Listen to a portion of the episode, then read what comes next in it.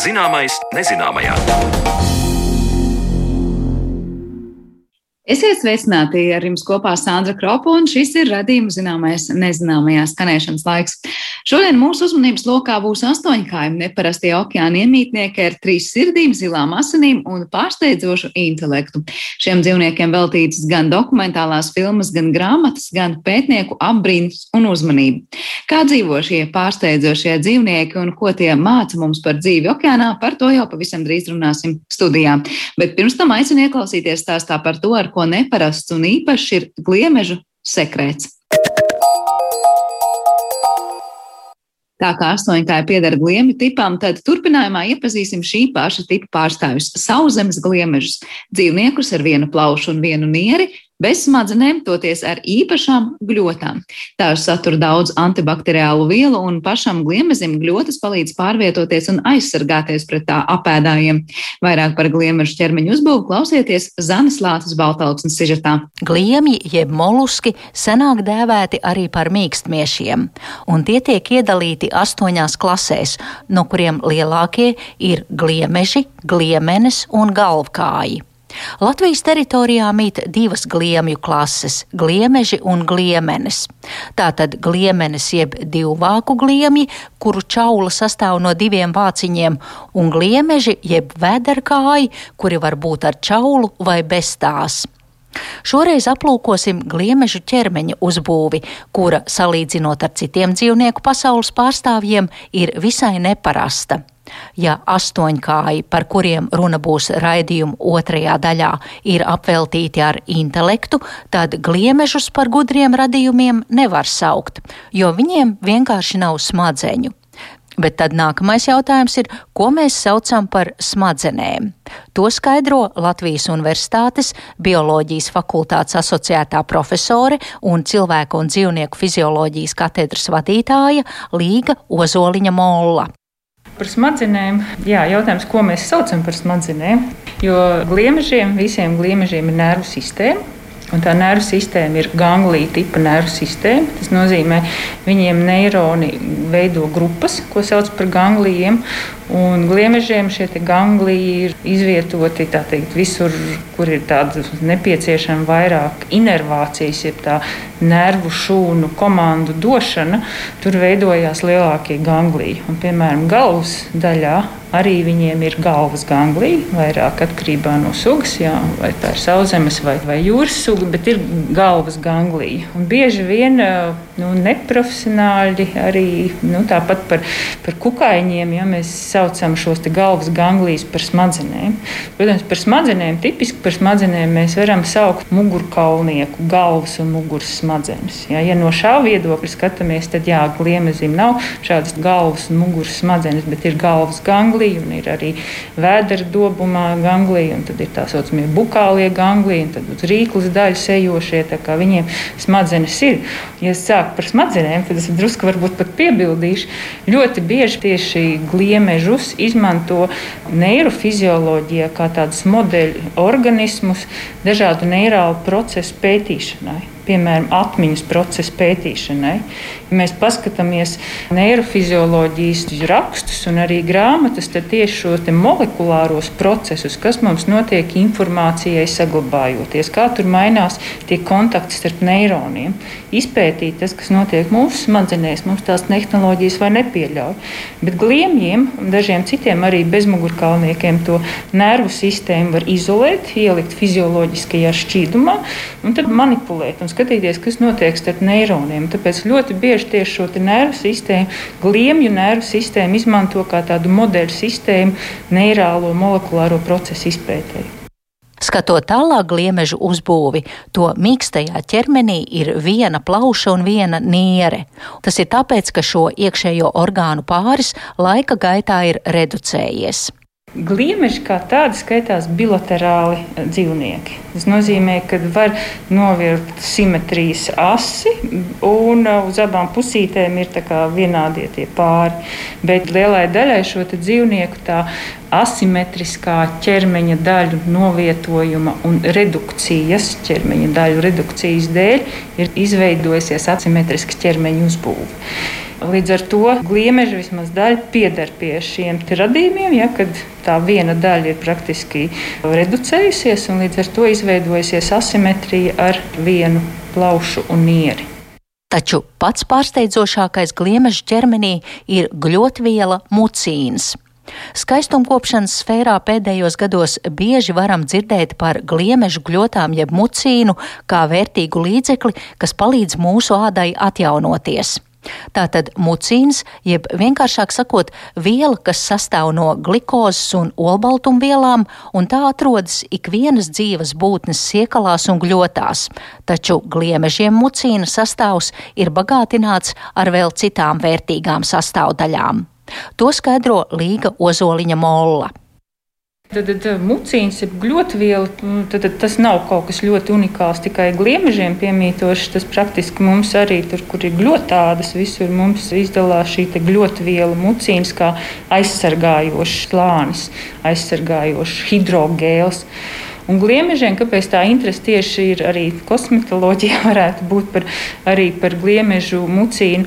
Šī mucīna pamatstruktūrā ir šie glikoproteīni, ja, tas cukuru un, un olbaltumvielu sajaukums, bet ne tikai. Te ietilpst arī citas vielas. Un attiecībā tieši uz to kosmetoloģiju tas mucīns ir diezgan labi pētīts, jo tas satur gļotvielu. Es netāikšu mucīns, tad gļotviela tur ir arī tā šķidrā daļa, kas pie tam mainās tam gliemezīm pārvietojoties atkarībā no tās slodzes, kas jāpārvar viņam. Tur arī tas sastāvs mainās gan tā lipekļa ziņā, tā mucīna ziņā, gan arī šķidruma ūdens ziņā. Ja? tur, tur to sastāvu var mainīt.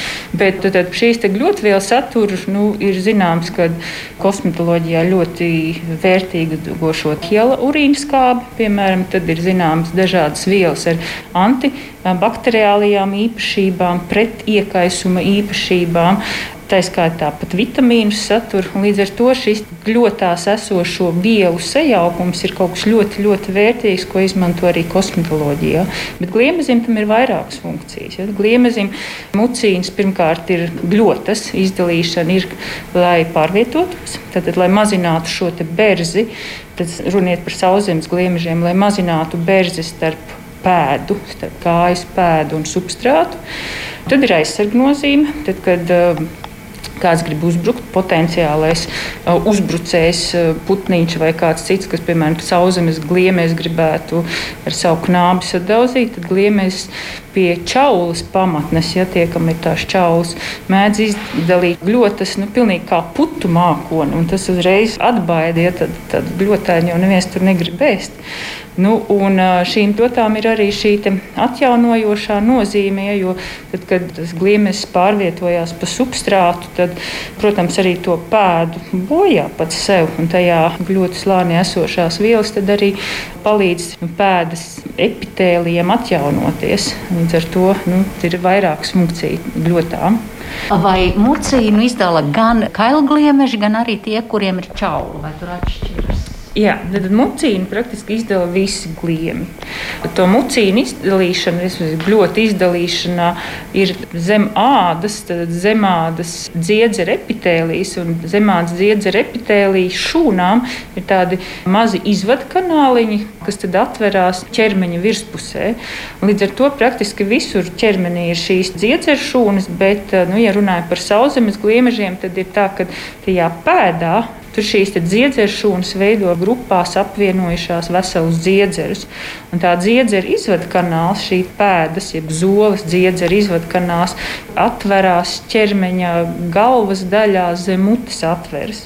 Un tad ir ļoti interesanti, ka tad, kad tas sauszemes gliemezīts pārvietojās, tad tieši šis ķermeņa galvas daļā esošais izvadkanāls izdala mucīnu tieši zem pēdas. Līdz ar to ļoti ekonomiski, ja ļoti ekonomiski izdalot šo mucīnu, līdz ar to samitrinot nu, praktiski visu pēdu.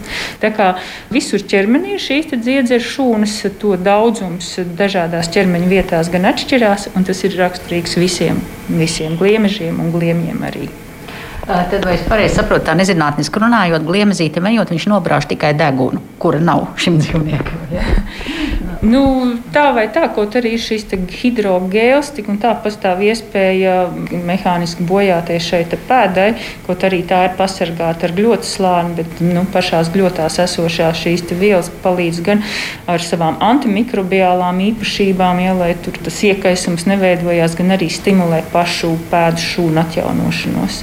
Vai tajā mucīnā arī ir kādas līmvielas? Jo reizēm mēs zinām, ja mēs dārzā, nu, tas vīngliemes pieķēries kaut kur tur ir pie šķūnīša vai kaut ko, kad ar spēku reizēm nāks raut nost pats mucīns jau skaitās kā lipeklis. Ja, tas ir viens. Un otrs, tad, kad gliemezes pārvietojās, tad praktiski starp to substrātu un, un šo pēdu, starp kuru atrodas izolējošais slānis, veidojās tāds zināms vakums. Līdz ar to mums ir grūtāk viņu novilkt. Un šeit ir tā nozīme tīri šim fizikālajam procesam, kā tas ir izveidojies starp pēdu un substrātu.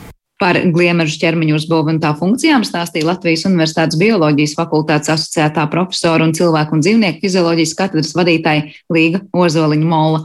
Ar viņu tikās mana kolēģe Zane Lāce Baltalksne.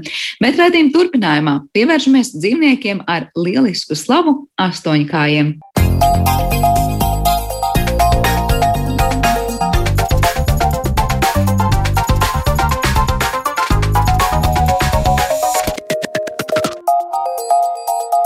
Zināmais nezināmajā. Dēvēti par visinteliģentākajiem bezmugurkalniekiem pasaulē, astoņkāji ir savaldzinājuši nevienu cilvēku. Tie aizvien ir neatminēta mīkla jūras biologiem, un arī kārtējais pierādījums, ka arī šķietami vienkārša galvkāju klases pārstāvis var būt ļoti sarežģīts savā uzvedībā un uzbūvē. Šodien mēs raidījumā esam veltījuši daudzas minūtes astoņkājiem, un par to arī uz sarunu esam aicinājuši Latvijas Hidroekoloģijas institūta vadošo pētnieci Ingrīdu Andersonu. Sveiki, Ingrīda! Labdien! Nu, vai astoņkājas tiešām arī jūras biologiem ir tāds, nu, es nezinu, īpašais vai līdz galam neizzinātais vai atkal ļoti, ļoti fascinējošais dzīvnieks? Kā tu pati uztver, kas ir astoņkājas? Nu, es varu laikam teikt, ka tas ir apbrīnojams dzīvnieks. Nu, nav jau tā, ka mums ļoti bieži gadītos viņus redzēt, jo Baltijas jūrā jau diemžēl tie nedzīvo. Bet tik cik nu ir gadījies aizbraukt kaut kur un ienirt kādās siltākās jūrās vai kaut kur citur, tik nu redzēt astoņkāju ir, ir tiešām nu, fantastiska laime. Nā, ka, nu, es nezinu, kā to teikt, laime, bet tas ir tāds tiešām apbrīnojams dzīvnieks, ko ir nu, prieks redzēt savā dabiskajā vidē. Par to dabisko vidi runājot, tieši tikko teicu, protams, ka Baltijas jūrā mums to nav un tiešām nu, mums tuvākā. Liekas, tajā geogrāfiskajā areālā arī mēs nevarētu teikt, nu tad mēs daudz runāsim par astoņkājiem, un gandrīz vai katrs otrais jūras biologs Latvijā būs tas, kurš darbojas ar astoņkājiem. Kuras ir īsti tās astoņkāju mājas, ja mēs par reģioniem runājam? Nu, principiāli astoņkājas sastopam ir visās jūrās. Tās, kur sāļums ir pietiekams, tās 30 un 35 promils, tur visur ir sastopama astoņkāja, gan siltās jūrās, gan augstās. Visur. Tātad patiesībā nevis temperatūra, bet sāļums noteikti. Jā, to? es domāju, ka tas ir sāļums, bet arī, protams, tie astoņkāji ir sastopami arī okeāna dzelmē un nu, visur, kur mēs varam iedomāties, izņemot saldūdeņus un pie mums. Eh, tātad eh, mums tuvākie sanāk šobrīd, nu, kā būs Ziemeļjūrā, būs Ziemeļjūrā, jā, tur, tur jau ir astoņkārt. Tur fjordos visur jau ir makšķerniekiem, Latvijas makšķerniekiem reizēm laimējās, ka viņi iemet spožu vizuli un, un pie tā vizuļa pieķēries astoņkājas. Bet cik dažādi ir? Pieņem, ka tāds astoņkājas, kurš dzīvo okeāna dzelmē, un tāds, kas varbūt kaut kur Ziemeļjūrā ir atšķirīgs, vai, vai tu vari pastāstīt, cik daudzveidīga ir tā astoņkāja mm, pasaule? Mm, nu, protams, man ar tās tikai grāmatas zināšanas mm -hmm. izlasīja, ka mums ir 300 sugas. 308 sugas. Uh, nu, es domāju, ka tie saucās dažādi galvkāji, kas ir, nu, latviskais tas nosaukums ir jau ilustrē to, ka tur ir galva un kājas, kaut gan pārsvarā mēs tā kā par rokām vairāk tās varētu saukt, bet ir apmēram 300 sugu, tur ir pazīstamākie, ir astoņkāji, ir kalmāri, sēpijas, kas drusku atšķirās no kalmāriem, un, un arī tie, ko mēs zinām no fosīliem, tādiem ir nautilusi tādas, kas jau ir nu, čaulas lielas, tā, tā kā tā lieli, lieli, lieli gliemeži ar čaulu un tādiem nu, taustekļiem. Tā kā ļoti, ļoti daudzveidīgs veids gliemežs ar čaulu, bet, bet savas, es nezinu, bioloģijas vai kā citādi. Vispār astoņkāju var salīdzināt ar gliemezi, un tad, nu, gliemezi ar kājām vai rokām, kā nu būtu pareizāk jāsaka. Nu jā, tehniski pieder pie tā paša mīkstmiešu tipa, kuriem, nu, tā, nu, tas skelets nav tāds, tā kā, nu, kā mēs saprotam, kā mugurkaulniekiem nav skeleta, bet uh, tad ir šīm dažām uh, klasēm ir, ir tas ārējais, nu, tā kā ir čaula. Un tad nu, tie astoņkāji jau ir zaudējuši to čaulu, bet viņiem ir arī tā kā galvas kausa drusku pat iekšā parādās tāds skrimšļu veida tāds veidojums. Un, un šiem kalmāriem tiem ir tāds tā iekšējais skelets, tāda tā kā. Uh, tā kā putekļa plāksnītis. Kādreiz staigāju pa Atlantijas okeāna krastu un es brīnos, domāju, kas tas ir. Tāds izskatās tā kā, nu, kā putekļa struktūra, tāds, ka var salauzt. Viņš tāds nu, trausls, viegls ir. Es domāju, nu, nezinu, kas tas ir par izstrādājumu. Tad aiznes kolēģiem institūtā un tie teica, tas ir kalmārs, tas iekšējais skelets. Bet kā tas formas ziņā izskatās? Tā kā plāksnītis. Līdzīgs tā kā kalmārs tam. Tam, Bet tā kā tāds, es nezinu, stienīts, tā kā kaut kāds. Ne, ne tad plāksnīte tāda vidus tā kā biezākas un tā kā malas tā kā plānākas. Nu. À, tad tas ir kalmāra. Jā, tas, tas ir iekšējais skelets tāds. Tas, saprot, astoņkājiem tā ar kaut kas drusciņi palicis, bet, nu, tas ir stipri mazāks un tāds Bet vēl vairāk. Kalmāra un astoņkāji ir ļoti tuvi vai tālu radinieki? Nu, tie ir, jā, tā kā brālēni, droši vien tā būtu pareizi jāsauc.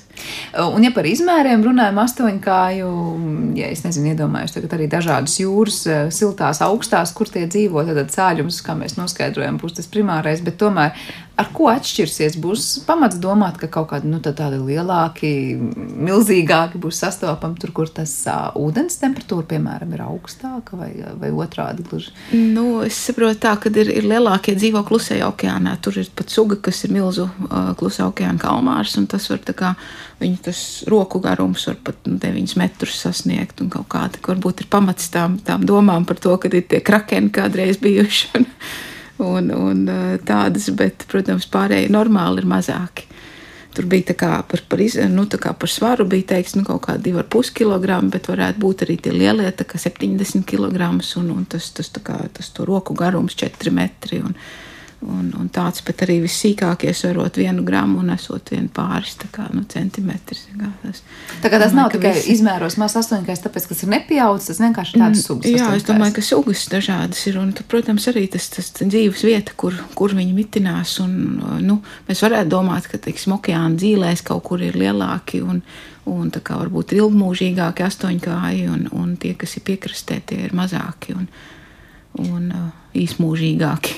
Bet tas būtu atkarīgs no tām barības vielām, kas viņiem ir, vai ienaidniekiem, kas viņus mm. nezinu. Es domāju, ka tā ir tāda dzīves nu, tāda stratēģija, tāpēc ka tie astoņkāji vairojas, nu, viņi dzīvo īsu mūžu, bet atstāja ļoti daudz pēcnācējus. Un tad nu, cik teiksim, var spriest pēc visas zinātniskās literatūras un visām šīm fantastiskajām filmām, ko cilvēki nu, safilmē, tad acīm redzot, arī ļoti daudz plēsēji ir, kas ēd tos. Un, un tad līdz šim pieaugušiem nu, vecumam izdzīvo vien daži tikai. Nu, Jā, jā, tam kalmā astoņkājiem varētu būt kā desmit tūkstoši olas. Uh, un tad no tām nu, dažas vien tik izdzīvo līdz pieaugušam īpatnim, un kas nu, atstāja jaunas pēcnācējas. Kādi ir tie lielākie nu, ienaidnieki dabiskie astoņkājiem? Nu, tā kā zivis un, un liel, lielās plēsīgās zivis, haizīvis, delfīni, tad arī tie jūras ūdri. Nu, es domāju, ka tas tāds labs organisms, ar ko pamielotos labprāt daudz, tikai nu, astoņkājas ir pietiekami izmanīgs, lai nedotos tik viegli rokā droši vien. Jā, astoņkājs tiešām ir eh, ar ļoti daudzām savām spējām, laikam arī apbrīnu izpelnījies cilvēku pasaulē. Par to arī droši vien parunāsim. Bet kāda ir tā nu, astoņkāju uzbūve? Kas ir tas varbūt visinteresantākais pašai, kā, kā ar jūsu bioloģiju cilvēkam saistītam, skatoties uz šiem dzīvniekiem? Nu jā, laikam jau Uh, ir, ir interesants tas, ka ir, ir šī galva un, un tās, tās rokas. Kā, nu, bet tā galva nav tikai, kā mēs saprotam, nu, cilvēkiem vai zīdītājiem, kur galvā ir smadzenes, tur galvā ir pilnīgi viss. Tur iekšā tur ir gan, gan šī te, uh, mute ar to knābi galā, gan ir barības vats, kuram apkārt ir smadzenes novietotas, kā jau nu, daudziem šiem bezmugurkalniekiem. Uh, Un tad ir eh, visi pārējie orgāni kā, atrodas tajā, nu, tajā lielajā ādas maisā, ko mēs uzskatām, ka tā ir galva. Uh mhm. -huh. Kā jau galvkājas, bet uh, kā ir izpētīts, tad lielākā daļa smadzeņu atrodas nevis galvā, bet gan kājās. Tur ir apmēram 80% visu šo nervu šūnu ir, ir tajos taustekļos vai, vai nu, rokās vai kājās, kā mēs tās nosauktu. Bet astoņkājiem ir tāda salīdzinoši sarežģīta nervu sistēma. Jā, es domāju, ka priekš bezmugurkalniekiem to mēs saucam par sarežģītu nervu sistēmu. Jo tur ir gan uh, smadzenes ar, ar vairākām šiem te, nu, jā, kā lai to nosauc, nu, tiem smadzeņu šūnu sakopojumiem, un gan viss šī sarežģītā tā nervu audu izveide un uzbūve. Es domāju, ka tas ir pietiekami sarežģīts organisms. Diez vai mēs citu tādu vēl atradīsim. Bet var kaut kā salīdzināt, ja mēs zinām, ka cilvēkam ir galvas smadzenes un muguras smadzenes, kā astoņkājiem ir kaut kas, tad, kas būs tā galvas daļā kā viena kaut kāda, nezinu, smadzeņu sakopojums, kas atbild par kaut kādām konkrētām funkcijām, un tas, kas ir tajās kājās, ir kaut kas līdzīgs kā mums muguras smadzenes, vai tā gluži? Nu, es pieņemtu, ka tas varētu būt, ka dominējošās, tad viņam ir šīs muguras smadzenes, kas ir tajās kājās, un jo, jo galvā ir galvenokārt šī mm, funkcija ar, ar redzi saistītā, jo tā redze ir arī unikāla, un, un kas, nu, teiksim, var, var, var at, atšķirt visas šīs nianses, gan, gan krāsās, gan, gan vis kaut kur tajā apkārtnes, nu, lai, lai pielāgotos šai daudzveidīgajai videi. Un, un, bet tās muguras smadzenes ir tā kā, nu, droši vien, ka tās nevar saukt par autonomām, gan jau, ka tās ir saistītas ar, ar galvas smadzenēm, bet arī tās tā kā šie taustekļi spējot domāt gandrīz atsevišķi. Redz, kā astoņkājiem tiešām kājas vai, nu, kā mēs teikt, varbūt rokas domā atsevišķi, bet uh, tas ir vairāk tā kā tauste, lai viņam būtu super, super, super sensitīvi, es nezinu, tādā ziņā vai pārvietojot. Kas ir tā funkcija tieši kājās, vai tas ir, var teikt, nu, visas astoņkāju maņas ir šīs kājas? Nu, es pieņemtu, ka tur ir liela daļa šo maņu, jo tur ir gan, gan šī tauste, gan pārvietošanās, gan tur esot pat garša. Viņš varot pat sagaršot ar tiem taustekļiem, kad vēl uztvert arī garšu, ah. kas liktos, nu, pavisam kā neparasti. Bet kā barojās astoņkājas, viņš jau patiesībā, nu, sanāk tā, ka viņš satver tikai jā. ar šīm kājām, jā? Jā, ar satver un stūķiem mutē to visu. Un sanāk, un garša sajūta ar kājām. jā, ļoti interesanti tiešām šis, šī te uzbūve, bet uh, Vai tā ir tiesa, ka astoņkājiem ir trīs sirdis? Jā. Tā esot gan, katra par kaut ko citu atbildīga. Viena esot šī sistēmiskā sirds, kas nodrošina asinsriti ķermenī visā, nu, tā kā pa šīm rokām vai kājām, un vēl divas ir, kas atbildīgas par elpošanu, ir, jo tas tās tā kā, nu, nodrošina šo skābekļa apmaiņu. Un tās visas ir izvietotas, tur nāk arī tie galvas daļā. Jā, jā visas tad... galvā, bet tā, drusku atsevišķi. Tā, tā viena tā centrālā tā sirds ir, ir kā, drusku nostāk, un tās, kur ir pie, pie tām uh, vēnām, kas aiziet uz, uz žaunām. Bet eh, kā tās savstarpēji darbojas, saskaņot, nezinu, kaut kāds mm, liktos nu, īpašs mehānisms kaut kur mums teikt, atkal galvas smadzenēs, kas to koordinē, vai astoņkājiem, kur, es nezinu, ir trīs sirds, kā lai panāk, lai tās saskaņot darbojas. Nu, es ar kaut kā lasīju, ka tās pilda atšķirīgas funkcijas. Kad astoņkājas peld, tad viņam darbojas tikai šī tā centrālā tā sirds, Jā. un, un tā kā tās plaušu sirds tā kā drusku tiekot atslēgtas, tāpēc astoņkājas var nogurt pietiekami ātri, un, un tomēr viņi tas mīļākais pārvietošanās veids ir nu, kā, lienot, vai rāpojot, vai pārvietojoties pa zemi. Nevis, tad nevis atkal darbojas citas sirdis. Jā, jā jo tad kā, labāk iesaistās arī tās plaušu sirdis. un tad jautājums, kas man liekas fascinējoši, vienmēr ir cilvēkiem pasakot, nu, ka tur šis zila baltās asins, ja kādā krāsā astoņkājiem sanāk. Ja, kāpēc jā. viņam ir šī pat atšķirīga asiņu krāsa? Tur parasti mēs sakam, protams, no, tas ir atkarīgs no tā, kāds ir tas ķīmiskais sastāvs, ja, vai, jā, ka, kas ko pārnes, bet varbūt var pastāstīt nedaudz sīkāk, kas mums ir zināms par astoņkāju asinīm. Nu, par astoņkāju asinīm ir zināms tas, ka ir cits kā, proteīns, kas mums cilvēkam ir hemoglobīns. Un šis hemoglobīns ir novietots asins šūnās, eritrocītos. Astoņkājiem šis proteīns ir hemocianīns, kas ir kā, izšķīdis tajās nu, plazmāsiņu. Un acīm redzot, nav šīs krāsas. Tad, Un, bet tas ir kā hemoglobīnam, ir, ir hemoglobīna molekulas centrā ir dzelzs, bet šim hemocianīnam ir varša. Tad patiesībā tas ir tas iemesls, kāpēc mēs nevaram sagaidīt, ka astoņkājiem būtu sarkanas krāsas asins. Ja? Nu, es pieņemu, ka daudziem jau nav šīs sarkanās krāsas asins. Tas mūsu priekšstats atkal par as, asinīm, kādām tām jābūt. Ir, bet, uh, Bet es domāju, ka šī nu, asinis tiem bezmugurkalniekiem nu, varbūt funkcionē vai varbūt izskatās savādāk. Varbūt funkcionē tāpat, bet izskatās citādāk. Jā, tas tiešām ir ļoti, ļoti atšķirīgi no ierastā. Un tiešām, kā minēja, mums ir ierasts asins un tās sarkanā krāsa. Un tikko kā nav sarkana, liekas, tās vairs nav asins, bet dzīvnieku pasaule mums parāda pavisam noteikti pretējo. Runājot par tām daudzajām, nu, gribas teikt, tikai jau astoņām kājām, bet ar to, ka tie taustekļi, vai tas, kas uz tām astoņām kājām ir, tas ir tiesa, ka tie ir tā kā 2000 taustekļi kopā.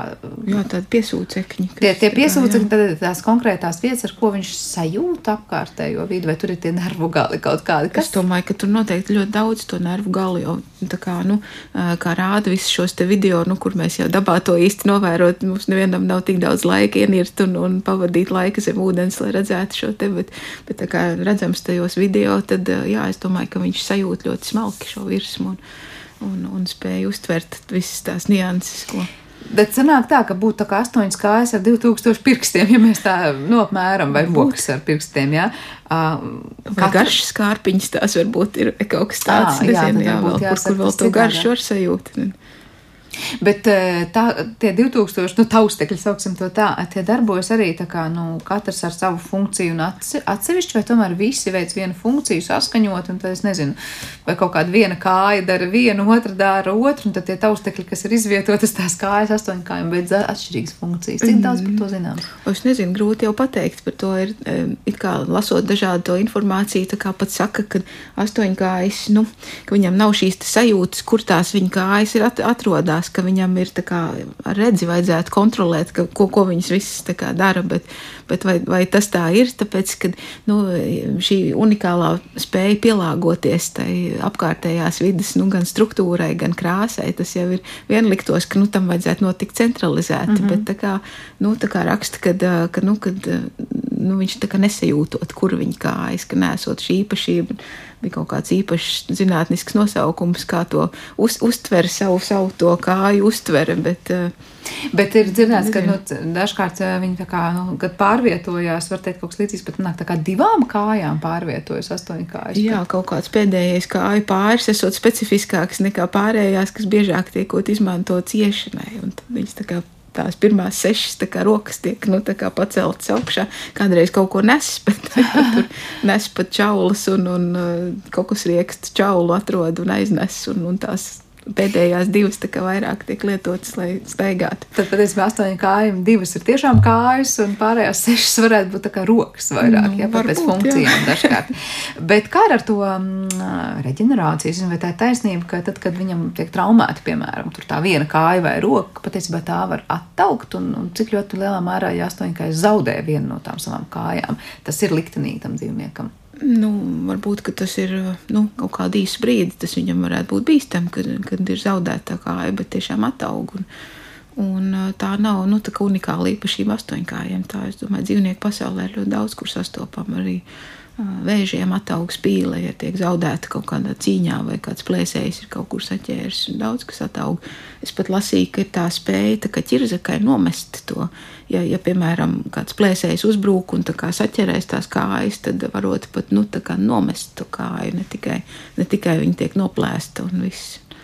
Jā, tas tiešām izklausās diezgan interesanti tajā kontekstā, ja mēs runājam par jūras dzīvnieku, kuram ir astoņas kājas un pēkšņi vienas vai vairāk zaudējot. Pēc kaut kāda laika tā atkal ataug. Ir zināms par to, cik ilgā laikā astoņkājas var, teikt, at, var atgūt savu sākotnējo izskatu un visas funkcijas, vai tur vēl zinātniekiem atbildes nav. Un es zinu, tajā brīnišķīgajā filmā, kas bija par astoņkājiem, tur bija teikts, ka simts dienās ataugusi kāja. Tā kā, nu, gan jau tas ir atkarīgs kaut kā no tā kopējā dzīvnieka tā, tā dzīves ilguma. Kad, ja citi tie astoņkāji ir īsāku mūžu dzīvojoši, tad tiem droši vien varbūt arī tā reģenerācija ir ātrāka un tie ātrāk audzē to visu. Nu, par daudz par visu ir parūpējusies, vai ne? Tas, kurš ātrāk un īsāk laika dzīvo, tam varbūt ātrāk arī šīs ekstremitātes reģenerēs.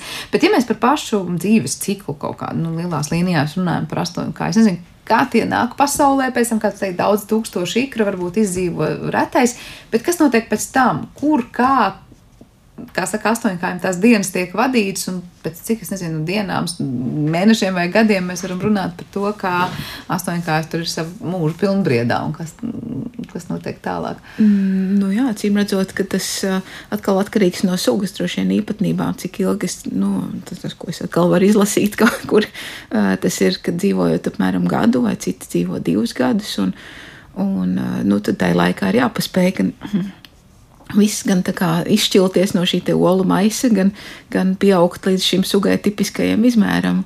Un uh, tad ir interesanti, ka uh, šie pēcnācēji radās jau tikai vienu reizi mūžā. Un uh, apmēram ceturto daļu savu mūžu astoņkājas pavada kā, nu, auklējot šos olu tos perējumus. Tie tiek piestiprināti kā astoņkājiem saustaka midzenis, un, un tur pie šiem midzeņa grieztiem tiek piestiprināts olas. Un, un astoņkāja mamma čakla aprūpē to. Viņa tajā laikā nebarojās, jo mm, daba ir iekārtojusi tā, ka, ka visas šīs rūpes tiek veltītas tikai pēcnācēju aprūpei. Un, kā ir, ir šie gremošanas dziedzeri, kas, nu, kas nosaka, ka dzīvniekam jābarojas, un viņš ir badā un viņš meklē sev to nu, barību, bet tad, kad ir ieslēdzās šī dzimuma dziedzera darbība, tad tie nomācas uz gremošanas dziedzers un astoņkāja mamma vairs nebarojās. Un, un, un tikai nu, no sava sifona izpūš gaisu, lai olām būtu pietiekami daudz skābeklis, lai tās varētu attīstīties iespējami labi. Un uh, tad šis olu inkubācijas laiks ļoti atšķirīgs, arī no acīm redzot, sugai atšķirīgs, raksturīgs. Un ka var būt no pat vairāk mēnešu, no nedēļām līdz kaut kādiem pieciem mēnešiem. Un tad arī bija kaut kur tāda informācija, ka bija visgarākais zināmais laiks, bija 14 mēneši, kad uh, astoņkāja mamma aprūpēja šīs olas. Un tad bija pavisam interesants gadījums pieminēts, kad uh, tur pie nu, nu, okeāna dzīvēs, jau tur pie šiem hidrotermālajiem avotiem, ka tur ir, ir astoņi kāji, kas nu, ir apmēram četrus gadus viņi nu, uzpasēja šīs olas un, un viss. Un ka zinātniekiem bijusi iespēja atgriezties vairāk reižu tajās, tajā vietā, kur, kur viņi redzēja šo astoņkāju mammu ar, ar to olu perējumu. Un kad četru gadu laikā viņi novērot, un, un viņi pamazām viņas nu, veselības stāvoklis, acīm redzot, nu, kā, tiek nu, zaudēts. Viņa, viņa acīm redzot, nu, mirst šajā laikā, tomēr jau ne, nebarojās, un visu laiku ir šīs rūpes par tiem pēcnācējiem. Bet tā kā vide ir ļoti skarba, tad tiek ļoti daudz enerģijas veltīts tam. Cik ilgs vispār ir tāds nu, dabiskos apstākļos astoņkāju mūžs? Nu, tad vai tie divi gadi, vai varbūt pašos tajos dziļumos, varbūt pat 16 gadi, ja 4 mēnešus, 4 gadus tiek aprūpēti mazuļi, tad, tad jā, 16 gadi varētu būt. Jā. Ievērojami. Vēl viena spēja, par ko, manuprāt, astoņkāja bieži tiek apbrīnot, ir tā, tā kamuflāža, tā spēja paslēpties un pārvērsties, liekam, par ļoti daudz ko. Kas ir tas, nezinu, cik daudz zināms, kas ļauj viņiem to izdarīt? Un varbūt kā viņi saprot, kurā brīdī par ko viņiem būtu labāk jāpārvērš nu, par akmeni vai jāmaina krāsa mm. vai kā citādi. Nu, jā, to kā viņi saprot, tas ir, nu, protams, ir astoņgā inteliģences ziņā, bet eh, šie kamuflāžas mehānismi ir izpētīti. Un, un uh, aprakstīti. Tur ir kā, nu, šī trīs slāņu kā, aizsardzība, tāda, kad ir, ir pirmais slānis, ir kā, šūnas, kas satur dažādus pigmentus, bet tie ir pārsvarā kā, melni un brūni un sarkani. Un tad, ja vajag kaut ko nu, nomaskēties par kaut ko, kas ir brūns vai sarkans, tad tiek izmantoti tikai šie pigmenti. Bet tad dziļāk ir vēl šūnas slāņi, kas ir kā, um, atstarojoši, kur ir kā, nu, ja, ja vajadzētu teiksim, smiltiņās gulēt un, un kļūt baltiem, tad tie kā, nu, vairāk atstarot to virsmas gaismu. Un, uh, un tad vēl ir uh, nu, vēl trešais slānis, kas vēl, vēl palīdzētu pielāgoties. Un tad kombinējot visas šīs trīs funkcijas, tad, tad astoņkājas ir kamuflāžas meistars, mm. protams. Jā, nepārspēt. Tikai mācīties un iedvesmoties, bet Jā. tā tais, taisnība, kā arī nu, no tādas sajūtām vai garstāvokļa varētu būt tas, kas ietekmē, kā astoņkājas maina tur kaut kādu savu izskatu. Nu, proti, vai es nezinu, tad, kad astoņkājas ir stresā vai es nezinu, gatavs, es nezinu, uzbrukt vai atkal slēpties, viņa tā, tā krāsa mainīsies. Jā, es domāju, ka noteikti, jo tagad, nu, droši vien medījot vai kaut kā slēpjoties no, no medījuma, respektīvi, lai, lai viņi paši kāds nenomedītu, tad viņš pielāgojās tai vidas apstākļiem, bet pēc tam jau, tad, kad ir šīs te, nu, iek, iekšsugas kaut kādas attiecības, jau atrodas kāds cits astoņkājs, tad jau es domāju, ka tā ir, nu, tā kā komunikācija ar, ar savu, savu sugas pārstāvi, kad vai nu šie nolūki ir tā kā, vai, vai nu tas otrs apdraud viņa eksistenci un grib viņu izdzīt, un tad otrs stājās pretī ar spilgtāku, tādu tumšāku krāsu, un pat maina visu gan to izmēru un izslienās, cits izslienoties tāds, nu, tāds garāks un lielāks, lai tā kā nobaidītu pretinieku izskatītos iespaidīgāk. Un, Un tad, nu jā, es domāju, ka tur lielā mērā tur ir gan garstāvoklis, gan temperaments, gan arī izklausās. Bet uh, par medībām runājot, tad saprotu, ka viņa ir diezgan laba stratēģija, lai, lai nomedītu kaut ko astoņkāju spēju ļoti daudz ko. Es nezinu, vai izdomāt ir īstais vārds vai kā. Kā es saprotu, pat ir tā, ka spēj izmukt no akvārija un nomedīt kaut kādu sarežģītu medīju, mainot dažādas pieejas vai kā citādi. Cik par to stratēģiju, kā medīja astoņkājas ir zināms? Nu, es nu, atkal no tā, protams, kas ir redzēts, redzēts kaut kur un izlasīts, ir tā, ka ļoti astoņkā ļoti mācās. Uh, Un, ja viņam vienreiz neizdodas tā viņa stratēģija, ka viņš ir izdomājis, ka nu, viņš uzglūnēs tam medījumam, un, un tā, kā, nu, tā parastā stratēģija ir nomaskēties, uzglūnēt un tad ātri uzbrukt ar, ar savu reaktīvā dzinēju palīdzību, kā, izpūšot ūdens strūklu un kā, uzbrukt.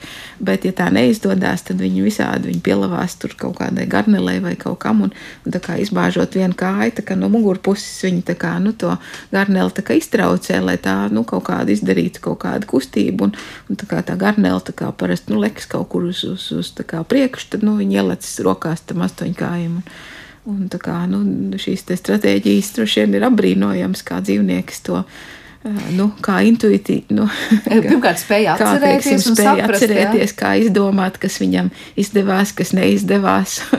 Ar to varētu būt astoņkāji unikāli, nezinu, jūras dzīvnieku pasaulē. Nu, jā, bet viņiem ir vēl jāizdomā, viņiem ir dažādi šie medījumi. Viņi, piemēram, labi tie, kas ir kustīgie, tiem var uzglūnēt, bet viņiem jau vēl ir jātiek arī pie klāt pie, teiksim, gliemeža, kuram ir cieta čaula, un kā to dabūt ārā. Un, Un tad uh, viņam ir speciāli, viņš var izurbt caurumiņu gliemezī, kur var sev no sev indas dziedzert, ievadīt šo indi, un gliemezis tiek, tā kā tas ir neirotoksīns, tiek paralizēts, un, Un tas gliemens, nu, tā gliemena tā kā atslāpst, un, un viņu var viegli izķeksēt no tās. Bet zināt, ka Indija astoņkājas pielietos tikai tad, ja viņam to objektu, kā saka, noskatīto ir kaut kur jāizdabū ārā, vai pie jebkuras medīšanas patiesībā viņš liek lietā to savu indi. Nu, es pieļauju, ka tā inda tiek lietota, tāpēc, kad mm, redz tā, ka tā kā uzbrūk kaut kādam lielam organismam, nu, kādam krabim vai kaut kādam uh, tam.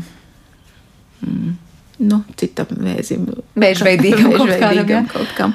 Un tas tā kā īsti sākumā ķepurojās, bet ļoti ātri atslāpst un vairs nepretojās. Es pieļauju, ka tur tā paralizējošā inda tiek lietota nu, ja jau spējā saprast visas šīs stratēģijas, astoņi, kā es domāju, likt lietā indi tā nesagādā problēmas tik gudram dzīvniekam. Bet vēl viena ļoti, ļoti, manuprāt, unikāla lieta, par ko ir vērts parunāt, ir astoņkāju spēja atpazīt cilvēku sejas, vai tā ir tiesa. Un liekas, kāpēc astoņkājiem tas liekas interesanti un veltīt tādu uzmanību um, kādam, nezinu, būtnē, kas noteikti nav viņa neienaidnieks dabiskajā vidē, nekā citādi. Kā tas notiek un, un kāda ir tā saikne starp cilvēku un astoņu kāju?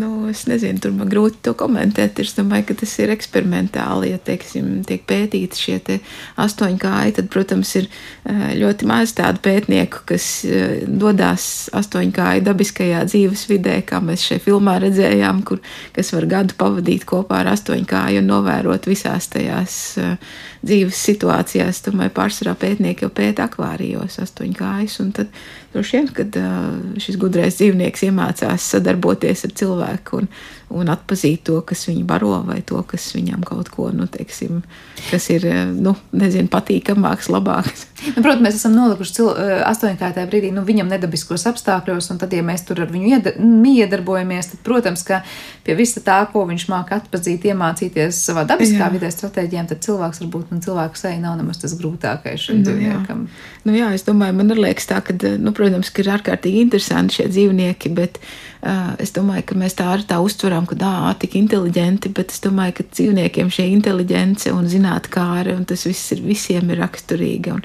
tikai cik cilvēks ir, nu, grib veltīt savu uzmanību nu, jebkurai no šīm dzīvnieku sugām, vai tas būtu astoņkājs, vai kalmārs, vai gliemezis, vai kaut kas cits. Domāju, ka šī inteligence būs visos līmeņos un visām sugām.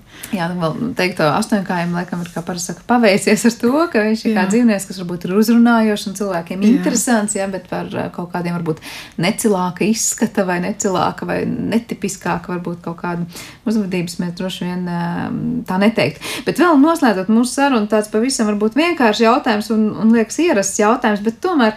Kāda ir tā kopīgā loma un vieta astoņkājiem tajā kopējā sistēmā? Mēs skatāmies, nu, kur tas dzīvo un kā tas dzīvo, kāda ir tā viņas nezinu, funkcija, ko tas veic savā ekosistēmā, un kas savukārt šobrīd no tā, kas notiek pasaules jūrās un okeānos, visvairāk ietekmē šos dzīvniekus.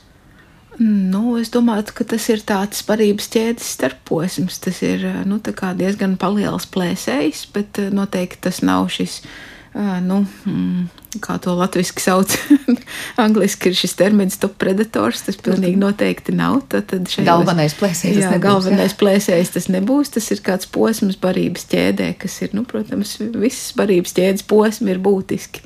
Es domāju, ka, nu, ja mēs skatāmies uz šiem brūnāļu mežiem, kur nu, kur, kur varētu dzīvot arī šie astoņkāji, tad šis galvenais plēsējs ir haizivs vai arī uh, vai arī šie jūras ūdri, vai, vai varbūt delfīni. Un tad astoņkājas ir kaut kas, nu, tā kā viņa barības objekts, kas savukārt pārtiek no citiem.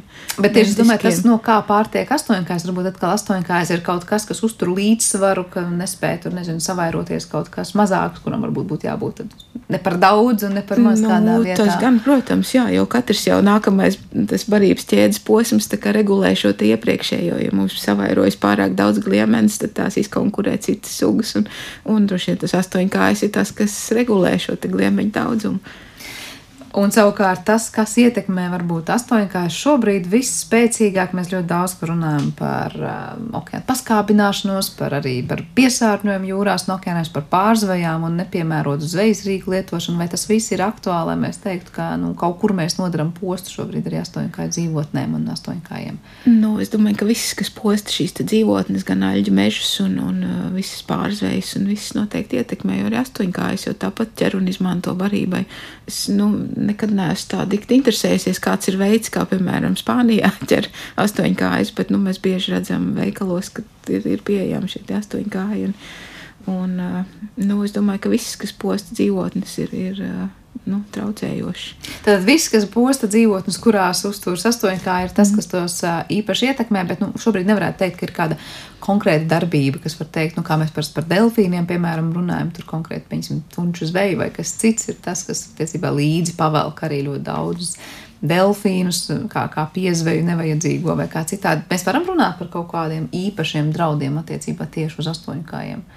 Nu, es nevarētu iedomāties tā, ka astoņkāji būtu varbūt īpaši apdraudēti.